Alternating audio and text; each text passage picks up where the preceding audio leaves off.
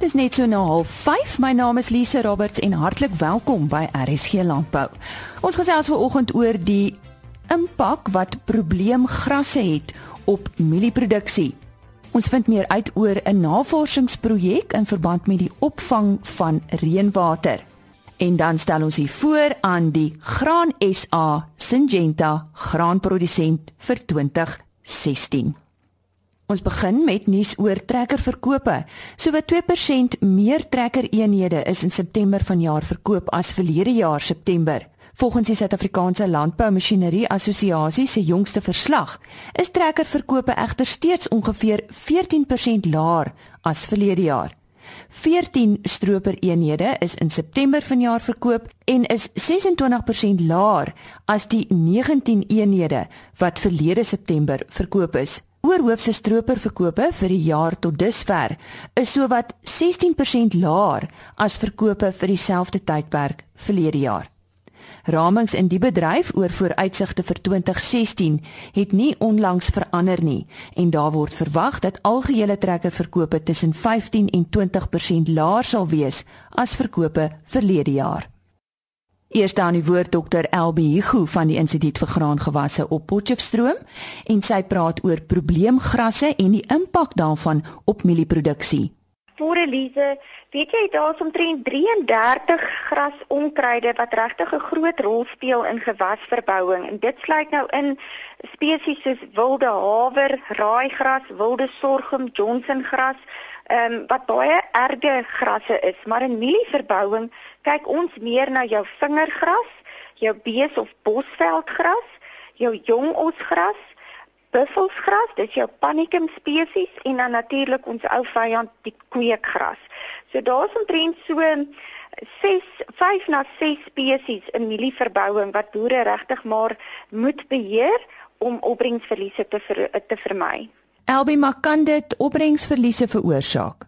Ja, weet jy, die boere is altyd waaksaam op grasinfestasies omdat dit saam met die mielie ontkiem en is dieselfde groei seisoen as wat die mielies het, het die grasse want dis mielies is ook 'n grasspesie. So mense uh, ons het in ons studies al gevind dat mense tussen 25 en 80% opbrengsverliese by mielieverbouing kan kry as 'n mens gras nie ordentlik beheer nie. Wanneer moet hierdie grasse dan beheer word? Ja, dit is 'n interessante ding want omdat dit nou saam met die mielies groei, moet 'n mens selektiewe onkruiddoders gebruik en die goue reël is dat 'n mens met um, met plant in 'n skoon saadbed moet plant. Daar moenie grasse opgekom het op voor jy plant nie, want die kritiese tyd van beheer is tussen jou veer 2 groeistadium van jou mielieblaar. Dit beteken as ehm um, daai blaartjies nou al ten volle ontvou het en daar's twee blaartjies op 'n mielieplant en jy het grasse wat opkom, dan het jy sterk kompetisie van jou gras teenoor jou mielie en daai kritiese tydperk loop tot omtrent met jou pluimstoot. So dit is regtig die kritiese tydperk wat 'n mens nodig het om hierdie grasse te beheer.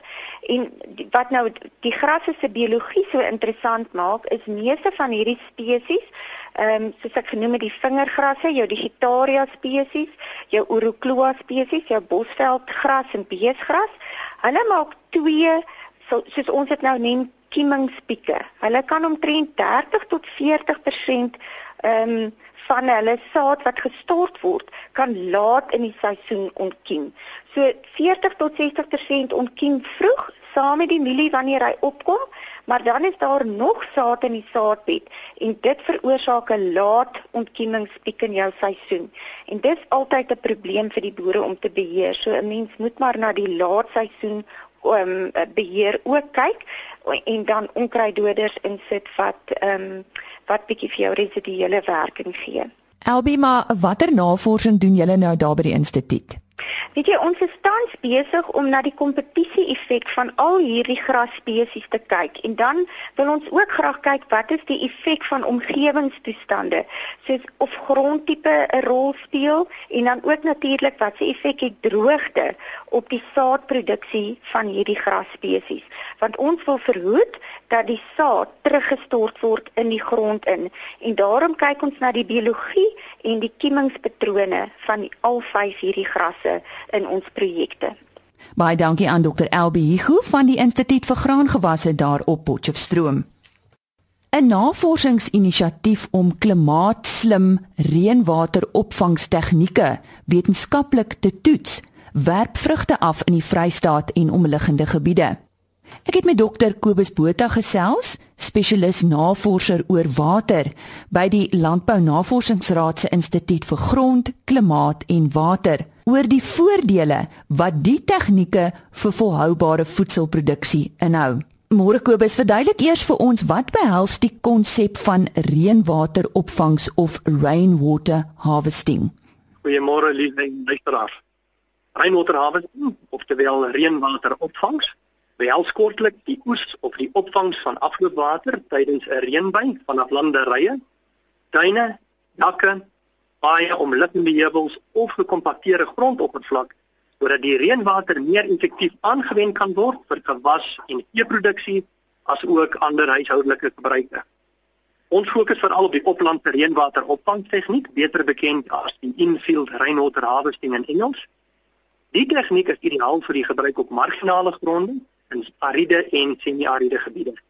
Die oplandse reënwateropvangstegniek se uitleg is soortgelyk aan treinspoorbewerking.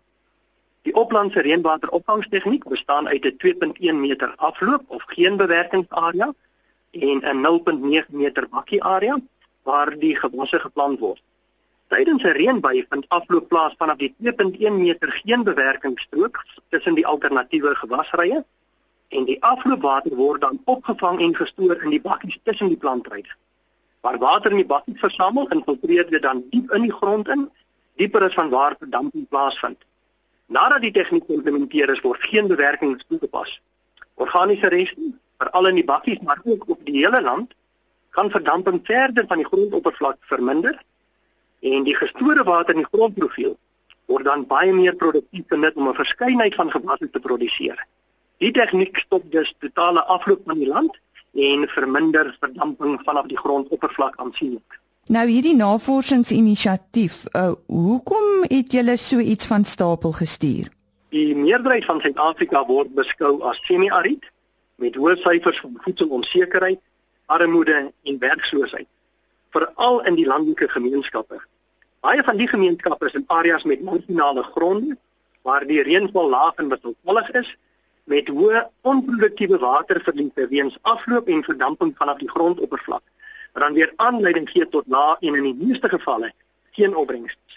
Die oplandse reënwateropvangtegniek is spesifiek ontwikkel om hierdie onproduktiewe verliese op marginale gronde in die ariede en semi-ariede areas teen te werk en by te dra tot voedselsekerheid en verligting van armoede. So sien julle hierdie dan vir Kobus as 'n belangrike deurbraak in die soektog na innoverende oplossings vir 'n voedselsekerheid in die landelike gemeenskappe. Dis ek dink verseker so ja. Die tegniek maak gebruik van reënwateropvangs, makkiesbewerking en seenbewerking en soos reeds genoem stop die tegniek afloop van die land en verminder verdamping vanaf die grondoppervlak. Deur die reënwater vanaf die 2.1 meter seenbewerkingsarea op te vang of te kanaliseer na die bakkie area word die beskikbare water in die grondprofiel van vir gewasproduksie aansienlik verhoog. Ons praat hier van opbrengsverhogings van tussen 16 en 50% vergelyke met die konvensionele bewerkingsmetodes.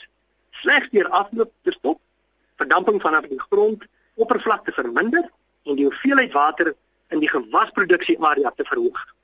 Hier word die beskikbare reënwater dus baie meer effektief gebruik om voedsel te produseer, veral onder marginale toestande.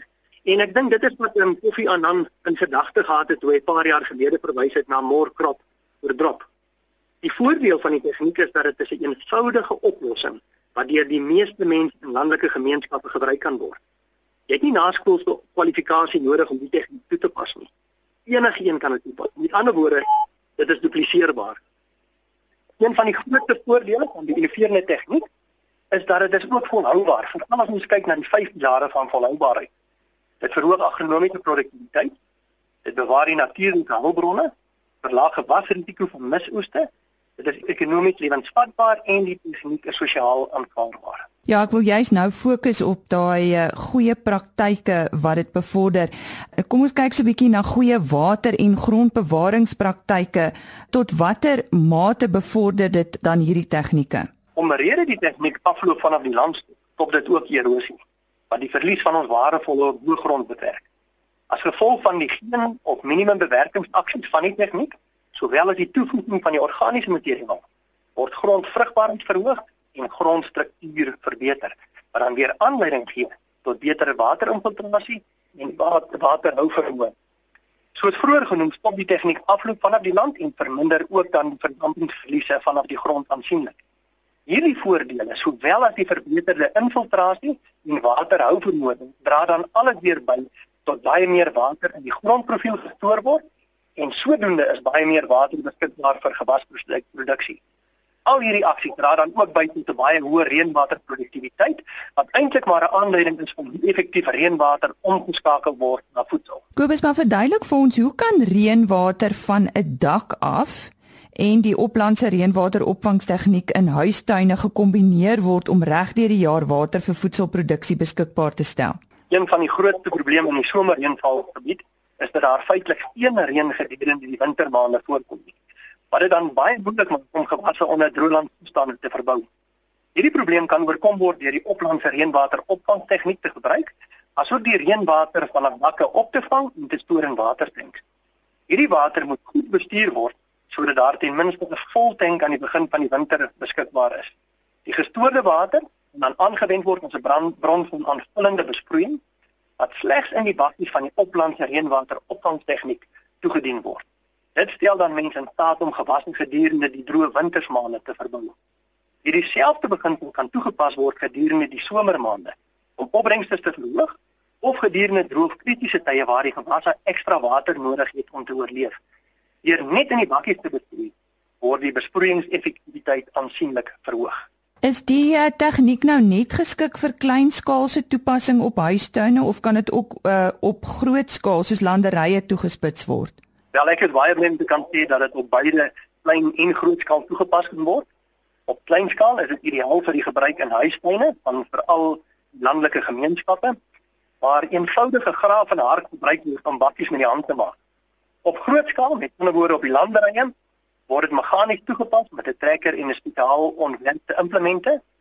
So dit is 'n oplossing vir beide skale. Ons het ook verskeie reënwateropvangstegnieke op groot skaal getoets So daar is 'n verskeidenheid van implemente beskikbaar.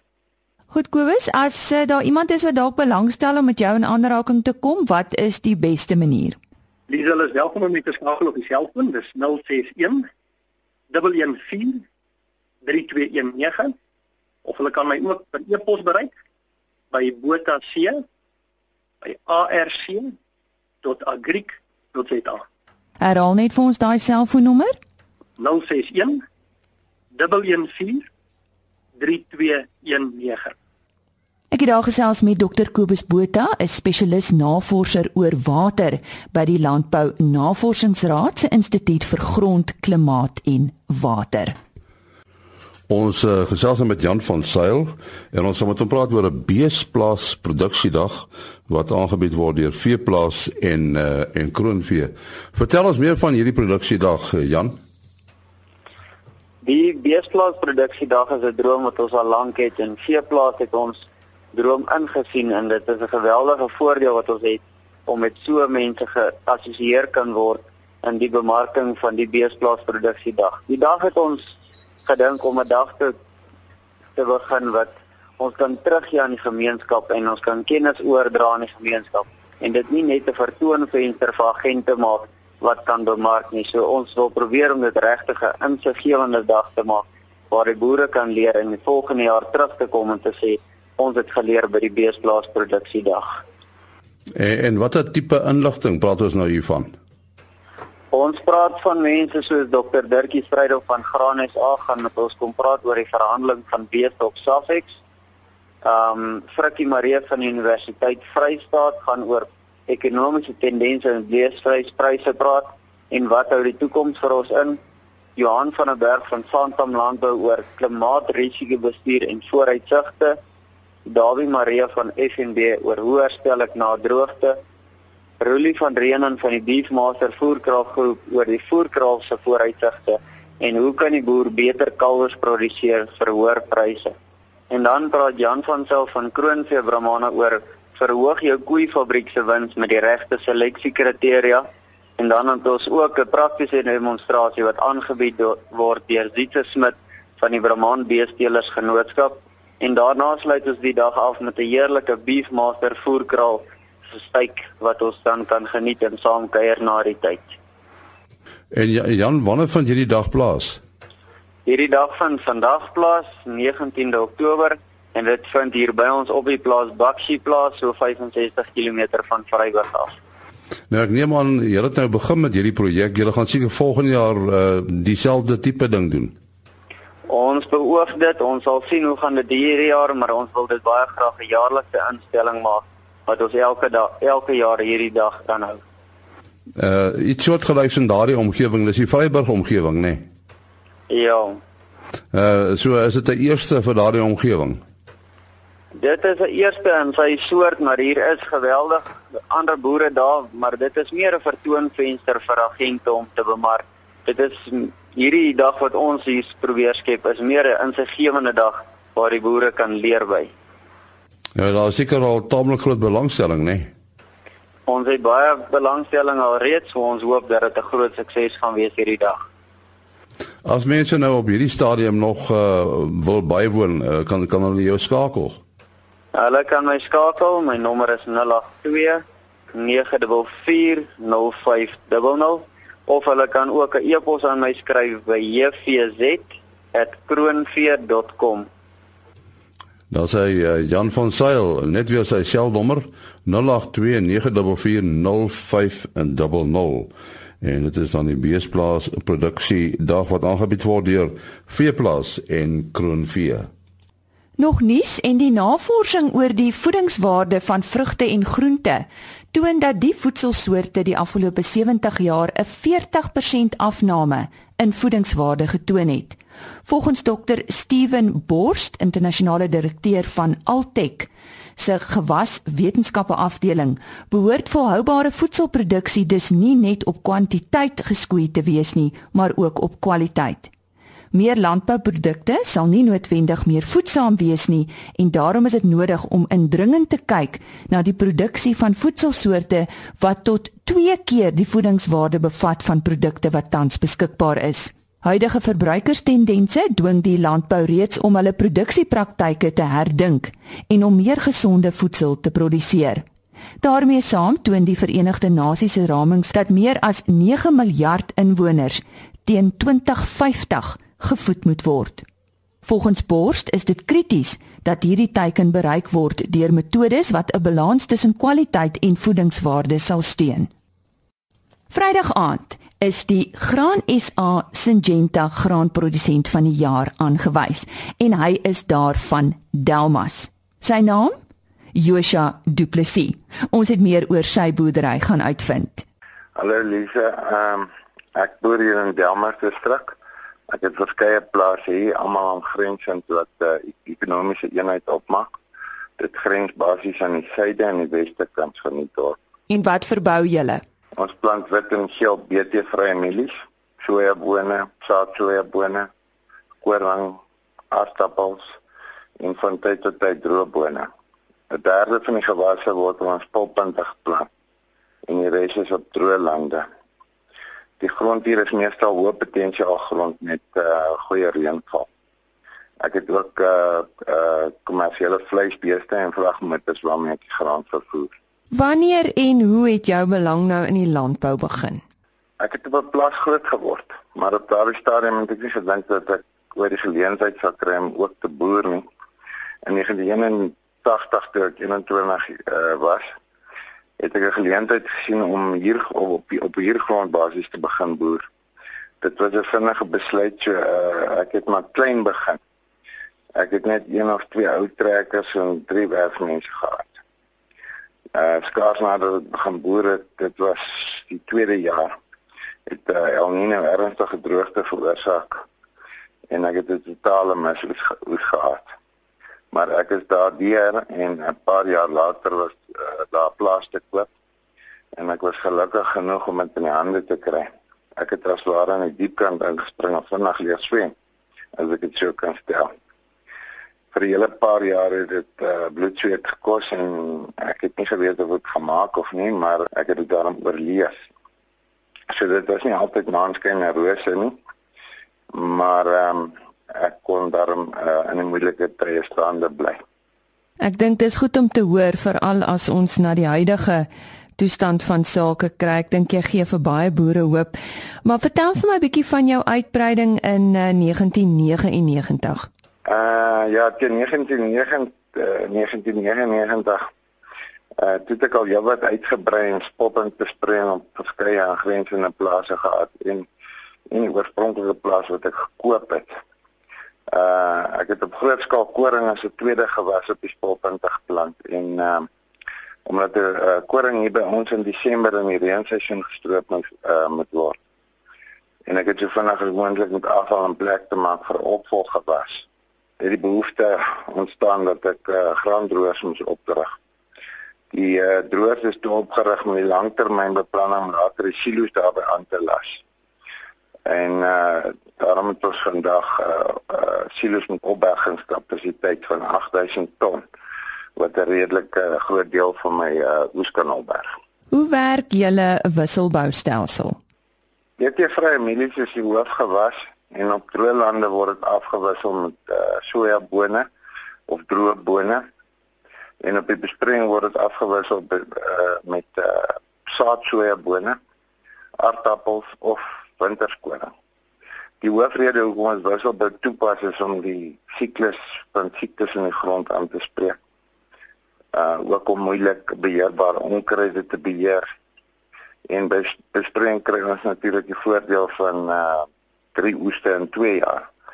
Ander voordele is die stikstof wat sojabone agterlaat vir die opvolggewas. Planttyd word verleng omdat die gewasse op verskillende tye geplante geoes word en dit verminder die druk op die plantery en die stropery. Verskillende gewasse verseker inkomste op verskillende tye wat dan natuurlik die kant uh, kontantvloei wat verbeter. Nou ek verstaan uh, presisie boerdery is ook iets wat 'n uh, eh, merkwaardige opbrengsverhoging teweeggebring het. Uh, verduidelik bietjie vir ons? Ja, ehm um, satelliet en GPS tegnologie het vir ons baie deure oopgemaak en ek is eintlik baie opgewonde daaroor. 16 jaar gelede kon ek met uh, presisie boerdery begin toe die tegnologie bruikbaar geword het. En dit is so dat uh, dit intussen geweldige verbetering in produktiwiteit op alle vlakke in die boerdery teweeggebring het. Afgesien van die regstellings van fosfaat en kalium en pH op 'n grid van 1 hektaar blokke wat die pH en voedingsstatus van die grond in balans bring uh en dit homogeen maak. Kan 'n mens ook die plante stand met die planters varieer om die regte plante stand op die verskillende tipes gronde volgens grondpotensiaal in dieselfde land te verkry. Alles wat ek hier genoem het bring nie net besparings mee nie. Maar dit ook noemenswaardige opbrengsverhogings te weer te weer gebring. Uh die opbrengste word deur stroopers gemonitor en probleemkolle uh, kan dan verder geïdentifiseer word maar dit stop nie daar nie. Ons het ook help van satellietbeelde wat verder inligting verskaf en selfs stuur van die trekkers, uh stroopers en die spuite en selfs die skoffels maak dit meer produktief omdat as jy meer as een planter in 'n land het, uh elkeen op sy eie lyn, sou hulle mekaar nie opbou nie. Uh dit hou ook druk van die trekkerbestuurders af omdat hulle nie die trekker self hoef te bestuur nie en hulle eintlik 'n aandag kan bepaal by die uh, spesifieke applikasie waarmee hulle besig is. Ek glo hierdie is uh, eintlik uh, dis eintlik die begin van uh, baie dinge vorentoe. Ja, jy praat nou net van die trekkerbestuurders en en 'n uh, boerdery is maar 'n spanpoging. Hoe groot is jou span en wat is hulle waarde regtig vir jou, Josha? Lise, hier is omtrent uh, 40 mense wat permanent in diens is En ander tye van die jaar uh, gebruik ons tot 250 tydelike werkers. Dis nou gedurende aardappeloestyd of selfs as ons uh, koppel op ja. Jy wil ook weet wat hulle waarde is vir my. Hulle is vir my van onskatbare waarde want as jy begin het soos ek begin het, ek gesukkel het, ek gesukkel het om goeie arbeid te kry dan uh, pas jy mense op. Die mense wou nie in die begin van my werk nie omdat ek nie bly plek vir hulle gehad het nie. Uh dit het dan beter gegaan te eerste plaas het ook het. Uh uh met mense wat ondervinding gehad het van plaaswerk wat op die plaas gebly het. Uh met al die mechanisering wat oor die jare plaasgevind het. Uh het ek ook daarom nog nooit meer gehad om die arbeidsmag te verminder nie want ek kon nog altyd vinnig genoeg uitbrei. Nou die Engelse het 'n is gesegde wat sê it's it's all about the bottom line en uh, hier praat ons van goeie finansiële bestuur in in moeilike tye waardeur jy al is. Waarop is jou finansiële bestuur gegrond? Dis 'n moeilike een. ek dink goeie finansiële bestuur moet altyd toegepas word. Jy het 'n reserves op te bou om in moeilike tye te kan staande bly. Uh Anders is nie finansiële bestuur nie, maar krisisbestuur. Maar so droogte soos die wat nou al 2 jaar duur, uh, is nie speletjies nie. So ek sal sê eh uh, speel op kaarte met die finansiële instellings. Wees voorspelbaar, lig die mense in. En as 'n oorlaatskuld betrokke is, eh uh, betaal dit so vinnig as moontlik af. Dis al wat 'n mens kan doen. Net om jy af te sluit, 'n uh, boodskap aan jou medeboere. Eh uh, Lisa, uh, vir my medeboere wil ek sê dit was droog en dit is nie lekker nie, maar dit is Suid-Afrika en hier is droogte nie uitsondering op hierdie al nie. Dat is vir ons 'n leerskool wees want dit gaan weer gebeur en dan sal ons deur ondervinding beter voorberei wees. Met al die siftingsprosesse wat nou al deur jare plaasgevind het, uh as gevolg van die droogtes en lae pryse en uh waar ons as ware op ons eie aangewese is is ons boere wat staande gebly het uh, van die beste in die wêreld. So uh, my boodskap is al uit daardie planters. Daar's niks soos die reeks van uh, die reeks van vars omgekeerde grond nie. 'n uh, paar goeie baie reën en die droogte is vergeet te voorspoed vir die nuwe seisoen. Geluk ook aan Joshua Du Plessis en sy span wat aangewys is as die Graan SA Syngenta graanprodusent vir 2016. Môreoggend op RC Landbou gee ons vir u die nuutste oor bruselose. Ons eh, praat ook met Johannes Moller oor die Agri SA Kongres en vir ons wildboere, wildvoeding en die droogte. Dit is van die stories môreoggend op ons program. Totsiens. RC Landbou is 'n produksie van Blast Publishing. Produksieregisseur Henny Maas. Aanbieding Lisa Roberts. En uitskoördineerder Martie Kerstyn.